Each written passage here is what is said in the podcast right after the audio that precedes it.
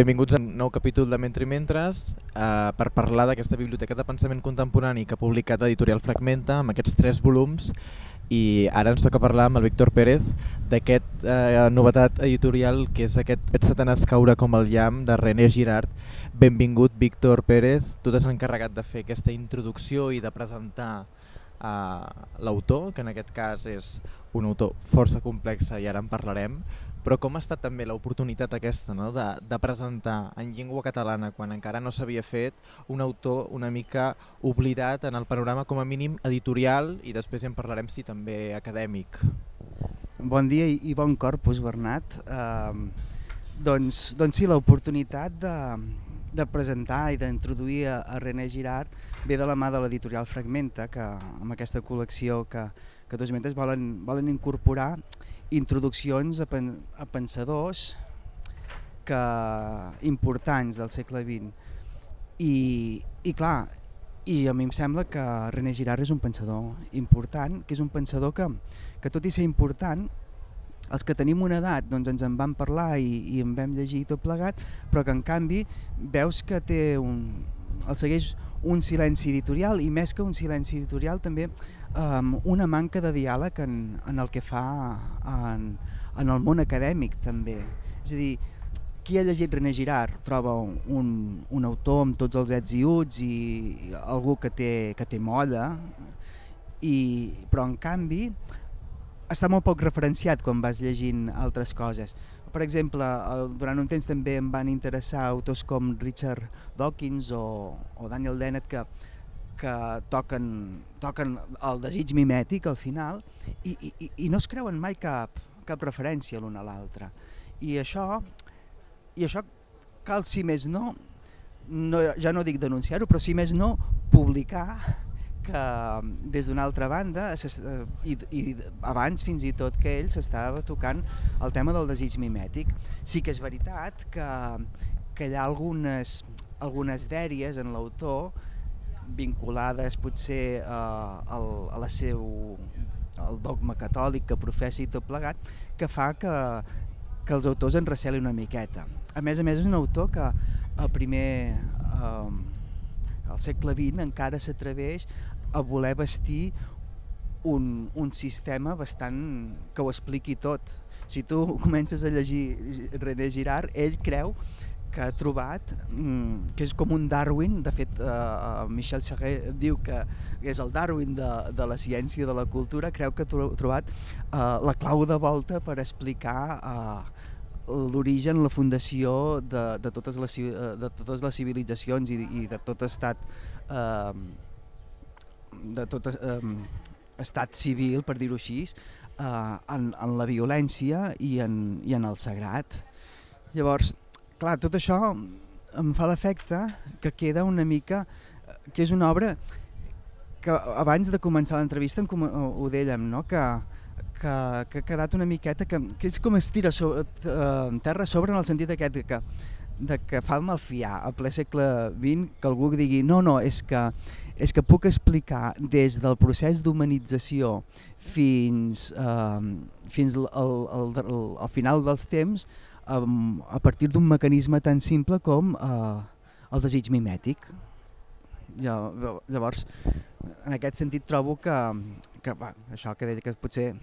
cal llegir-lo, potser cal llegir-ho amb una mica de, de precaució. Clar, i aquesta precaució també és la que ha tingut tota la recepció que n'ha tingut, si és que n'ha tingut. Aquest és el gran problema, no? Qui l'ha llegit i des d'on, no? I mm. això també ho comentàvem abans, que és aquesta idea de que se li ha posat, per exemple, abans del desig mimètic, s'ha vinculat la idea de René Girard a la idea del sacrifici gairebé, no? sabent que tenia uns estudis que feien referència a aquest sacrifici i, a les, i al boc expiatori, després la figura de Crist, i que per tant formava part eh, d'un vocabulari, diguem-li, teològic, però el que fa Girard apunta cap a molt més, és aquesta ciència de la cultura i que per tant eh, s'hauria de poder desvincular o s'hauria de poder llegir completament Girard. Uh, exacte, exacte. Girard uh, se'l vincula amb un llenguatge teològic i fins i tot el Girard més, més tardà en un llenguatge confessional uh, cristià i catòlic, però en canvi Girard, uh, la seva obra es mou sempre en el camp de, de les ciències de la cultura. És a dir, Girard és, comença sent un crític literari, que és on, on se n'adona que on se n'adona o ell creu adonar-se que cal ser prudent amb, amb això, o creu adonar-se que allò que distingeix la gran novel·la de, de les novel·letes és aquest desig mimètic, és a dir, que, que en tota trama que valgui la pena ser, eh, ser escrita i, i ser llegida, allà hi ha un desig triangular que, que és el que mou, que és el, el que mou totes, um, totes les passions i, i, i el que al final es mou a tot, um, crida a la, a la violència extrema de tots. Un, un desig triangular que és um, que consisteix en que tots, tots sabem, tots desitgem de manera natural, però no sabem què hem de desitjar. I com que no sabem què hem de desitjar, el que fem és copiar el desig d'un altre. I per tant, això, per això es diu que és un triangle, perquè hi ha el que desitja, el, que, el model que és desitjat i l'objecte, que l'objecte, que aquí és on, on acabarà sent el sagrat, eh? que l'objecte només ve designat perquè, perquè és possessió de l'altre i que no és teva,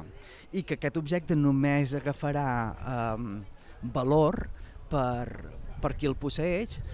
quan és desitjat per un altre, perquè si no mm, és... I, i, I aquesta dinàmica que si t'hi fixes és, començaria des de la psicologia mateix, eh, René Girard la porta, la porta a, a l'origen de totes eh, les civilitzacions, que diu això que no passa res quan el desig, per exemple, si tu eh, desitges la, les bambes d'en Messi, doncs no passa res, però quan tu no pots comprar-te les bambes del Messi i el teu veí sí, aleshores l'odies el teu veí. I això segons Girard, arriba a unes dimensions eh, colossals. Quan tothom eh, quan, quan tothom desitja el que desitja l'altre s'arriba a un estat de guerra i, i tot plegat. I això només és possible d'aturar-ho a partir del a partir del mecanisme del boc expiatori. És a dir, tots designem a un únic eh, culpable o un únic culpable que ha de ser innocent però l'hem de tenir per culpable i aleshores eh, el linxem. Com que linxar-lo és una cosa molt bèstia, el que fem és quedar, crear un silenci al voltant d'aquesta víctima expiatòria i el mateix silenci i la mateixa culpa i el mateix oblit que nosaltres ens provoquem crea al voltant d'aquella figura que, que, havia, que nosaltres havíem culpat de portar l'escàndol i de portar tot el problema, la crea, eh, li, li apareix un alus de, de sagrat, és un déu, perquè gràcies a ell la comunitat, la comunitat eh, s'apaivaga i queda estorta de, de, de violència. Clar, la violència tornarà a aparèixer cada dos per tres eh, i s'haurà d'anar repetint aquest sacrifici expiatori i això serien els rituals de sacrifici i, i uh, Girard acaba explicant que tota la cultura um, ve en aquest silenciament de la violència aquesta original que és la que fa gorronar uh, la societat. Val. Aleshores, d'una manera molt astuta, paral·lelament a, a, a totes les tradicions de, de, la, de les religions eh, antigues, llegeix la Bíblia i se n'adona que la Bíblia explica exactament la mateixa història, però des d'un punt de vista diferent. És a dir, hi ha un, un llibre que, que és anterior, o just l'anterior a Veig Satanàs caure com el llamp, que és la ruta antiga dels, dels homes perversos, que no està traduïda al, al català, on, on, explica, on explica el llibre, el llibre de Job des d'aquest paràmetre. El llibre de Job, que tothom es queda amb el pròleg, i diu, no, no, el llibre de Job, Job és un tio que veu que tot el poble ve a casa seva i li diu, tu has de morir, tu, has, eh, tu ens has portat la desgràcia, com si fos Èdip. L'única diferència que té amb Èdip, que Èdip accepta buidar-se els ulls, que Job queda consternat i intenta dir-los en paraules perquè no, és, no pot sortir del mecanisme i dir no, jo no he fet res, a mi, a mi no m'heu de... I, I aleshores aquí seria com un pròleg seria com un pròleg a, a la visió, a la lectura que fa dels evangelis, que és el que, el que tracta veig Satanàs a caure com el llamp. Que aquí és d'alguna manera el gran, el gran què que li hauríem de d'alguna manera no hauríem d'agrair per dir-ho d'alguna manera però que hauríem de llegir sobretot René Girard que és aquest exercici gairebé comparativista si en podríem dir així de tota aquesta tradició helenista amb l'exercici que en fa de revisió al cristianisme i per tant la lectura profunda del cristianisme en el fons ara ho deies no? El llibre de Job amb certs elements d'Èdip, per exemple, però n'apareixen d'altres també, no? d'aquestes comparatives constants, per exemple, la visió també que se'n fa de Jesucrist amb alguns mites eh, previs també, i per tant tota aquesta relació que l'aproxima aquesta crítica literària que, que li identificava amb el René Girard prèvia, no? aquest exercici de crítica literària que en el fons el que ens ve a dir, i a veure si estàs també d'acord amb mi, que la teologia o els mecanismes teològics, en aquest cas del cristianisme, no són res més o els hem de poder també utilitzar en aquest primer René Girard com a mecanismes també de comprensió d'aquests grans temes, d'aquests grans mites, de, gra de grans uh, formes de comprendre en el fons la totalitat del món. Exactament, jo penso que és exactament això. Um, amb René Girard um, el que se'ns dona, uh, el que ens ofereix és una lectura dels evangelis que pugui estar a l'alçada a l'alçada o a l'alçada com, a, com a terme de comparació amb la resta de, de, literatura, de literatura antiga. I aleshores clar, eh, et permet, et permet llegir eh, els evangelis a la llum dels mites grecs i, i, el, i per tant et converteix els, els evangelis en un text molt humà, que és un text que no contradiu eh, el dogma cristià ni de tros, i si més no la, la lectura que em fa, que em de Girard, sinó que al contrari el que fa és eh, permetre qualsevol estudiós entrar en el text eh, dels evangelis i entrar en, en la Bíblia en general com un text vàlid per, per, ser, per ser comparat amb la tradició helenista. Llavors, clar, hi, apareix, hi apareix una cosa molt interessant, una cosa que eh, a mi em fa l'efecte que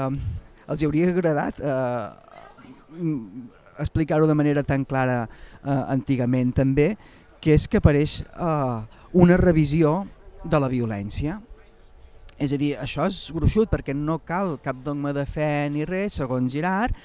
per, per adonar-te que si llegeixes eh, el Nou Testament se't presenta una visió més amable de, de l'organització social, perquè en definitiva eh, què et ve dir? Jesús de Nazaret és un, un home que és conscient del mecanisme, a, a, a diferència de Job, que, que està consternat i diu, no, no, no sé per què, però vosaltres no m'heu matat perquè jo sóc innocent. Jesús de Nazaret se n'adona, no, jo sóc innocent, jo sóc innocent, i vosaltres em matareu. I hi haurà, eh, hi haurà un mecanisme mimètic unànime perquè jo estaré sol com un mussol, eh, quan, quan em pengeu, perquè hi haurà, sol no, hi ha dones eh, quan, quan crucifiquen a, a Jesús de Nazaret, però les dones tornen a ser bocs expiatoris o, o són gent que no, que no compten. Els, els que sí que comptarien, que són els deixebles, marxen tots. Vull dir que el mecanisme... Jesús de Nazaret diu, jo, tal com va tot plegat, jo perquè estic denunciant eh, aquest, aquesta violència que se cerneix contra una sola víctima que és innocent, que ja passa amb, amb, amb aquella mena de monstre de Gerassa, l'endimoniat de Gerassa, o, o passa amb la dona que han de lapidar en els, en els evangelis, que tot, ja apareixen molts, moltes víctimes innocents en el qual Jesús de Nazaret diu aquest, aquest el que li passa és que està sol i l'esteu culpant per estar sol. I com que jo estic denunciant això, estic sol i m'esteu culpant per estar sol. I, i, i a mi em despullareu i, i, estaré, i estaré exhibit i exposat a tothom, però com que jo el que faig és denunciar que estaré sol i que moriré sol i moriré, um, i, i, i moriré innocent, uh, aleshores, quan jo hagi mort, us haureu de, us haureu de, uh, us haureu d'empassar això. Clar, això a nivell de, de filosofia i d'antropologia és molt potent o sigui, aquí no cal... Eh, ser, dir, és molt potent, és, és tot un missatge i veieu, i això és un mecanisme que ens haurem d'anar passant. I no només això, sinó també un exercici de revisió d'una tradició gairebé prèvia i és una crítica molt construïda sobre Nietzsche, sobre Freud, per exemple, dins de la violència i el sagrat, i dedica gairebé un capítol a dir això de tot i tabú, espera, endrecem-ho, eh, revisionem-ho, i doncs ell comença a endreçar-ho d'una altra forma. I en el cas de Nietzsche també li dedica un capítol dins d'aquest volum que tenim sí. aquí, Vet satanats caure eh, com el llamp. Una de les crítiques eh, que no sé, repassant eh, també el llibre abans de preparar aquesta entrevista també repassava on ho havia llegit que recordo i aquí se'n se diu una mica que és el paper de Dionís que li atorga Nietzsche amb tot el tema de la festa, l'exuberància i tot plegat, i hi ha un moment en què, no sé si és en aquesta obra concretament, que d'alguna manera, eh, i això ho deies també, eh, de dir, no, no, no, és que el paper de Dionís l'hem d'entendre des de la violència. Ah. Hem de fer aquesta relectura de dir, Nietzsche, aquí t'equivoques, no?, de dir-ho d'alguna manera així, Sí, uh, uh, clar, uh, René Girard, exacte, li diu, Nietzsche és intel·ligentíssim perquè ha posat, uh, ha posat el focus allà on cal. El que passa que Nietzsche s'ha situat a la banda, uh, a la banda de, de, dels agressors. O sigui, quan a Dionís l'hem d'entendre uh, l'hem d'entendre de la banda d'aquesta violència exercida en un, en un déu pri, primigeni, en un lloc on, on s'oculta on s'oculta el mecanisme. Llavors, mm, clar, escriuen més bé els grecs, que, però, eh, però diu, en canvi, en, en el crucificat, en el crucificat la violència és, és explícita. És explícita, eh, és, eh, està avançada en, en, en, abans dels esdeveniments i per tant eh, queda clar i, i queda una feina a fer perquè, perquè una cosa que també queda, queda molt clara amb, uh, amb, amb Girard, perquè li diu estàs a la banda dels agressors, però és que a la banda dels agressors hi som tots sempre hi som tots sempre uh, és a dir, és un, és un esforç constant veure en quin moment tu estàs, uh, estàs uh, exercint violència cap a, cap a algú. És molt fàcil veure uh, quan estàs a fora, quan estàs de part, quan, quan ets a dins dels que estan agredint i quan veus la, la víctima, però quan ets dins de, de qualsevol grup social és molt fàcil que, se, que oblidis, que passis per alt qui és el qui és l'agredit o qui és la víctima. El, Ara ja per anar concloent aquesta entrevista, això ho dèiem, no? hi ha un exercici molt revisionista, per exemple, amb aquest neo-hegelianisme que hi ha ara, per exemple, amb aquesta idea del reconeixement de tot plegat, i no hi ha, per exemple, un exercici d'aprofitar les tesis, ara dèiem, del desig mimètic, d'aquesta utilització dins de, eh, del present en els quals, com podríem comentar, amb les dificultats eh, que ens podem trobar. No? Aquests temes que ens ocupen el dia a dia, l'actualitat, per entendre'ns, com hem abandonat o com no hem sapigut llegir en profunditat aquest René Girard i d'alguna manera també la reivindicació que fas en el pròleg i també ara ens anirà bé per concloure aquesta entrevista és què li ha passat a Girard, no? què és el que li ha passat, què és el que se li ha imposat i què és el que ens ha impedit llegir-lo, com avui per exemple en aquesta entrevista estem intentant discernir. Val, a mi em fa l'efecte que una cosa de, que li ha passat, um, ja, ja ho hem comentat, que és aquest afany totalitari. Ell no dona per, per, per perduda la possibilitat de d'explicar de, tots els fenòmens de la cultura amb una sola teoria um, que, que ho englobi tot i de l'altra també hem anat dient que que ell va haver un moment en què René Girard hauria pogut triar si entrar en diàleg amb, amb els feminismes o entrar en diàleg amb, amb, amb uh, teories de, de culturals o bé uh, triar ser aplaudit a la parròquia. I, ell, i a mi em fa l'efecte ell escull que, que quan entri a la parròquia uh, doncs l'aplaudeixin perquè el, el René Girà més tardà es tenca més a, a, a les interpretacions de la Bíblia, es tenca més a blindar-se a blindar-se respecte, respecte al dogma i, i això clar, això fa que desmereixi acadèmicament tota, tota la tasca que em fa la, des, de, des de la seva primera obra, la veritat eh, la veritat eh, novel·le, eh, de la novel·la i la mentida novel·lesca la mentida romàntica, o, la mentida romàntica. Eh, fins, fins a veig Satanàs caure com el llamp doncs clar, el que fa després potser desmereix una miqueta en el sentit de que ell bastant explícitament evita entrar en debat per exemple o amb l'islam o té, té té entrevistes bastant dures amb l'islam, que penses, més, que, més que aquest món absent de violència que propugnes, sembla, el que et deia abans, sembla que vulguis, vulguis defensar un dogma. Llavors, clar, això li hauríem de perdonar, no sé si perdonar perquè això, però vull dir, hauríem de ser capaços de passar per alt d'això i, i llegir allò que realment, que realment té molla. No. Molt bé. Moltíssimes gràcies, Víctor Pérez, per aquesta entrevista. Ell ha fet la introducció dins d'aquest volum que ens presenta l'editorial Fragmenta. Aquest Veig Satanàs caurà com el llamp que ha traduït la Maica Laoz. Moltes gràcies. Esperem poder-te tornar a entrevistar, encara que sigui encara que sigui un altre regirart, a veure si realment podem seguir llegint-lo i si no ens trobem també en aquests mons del,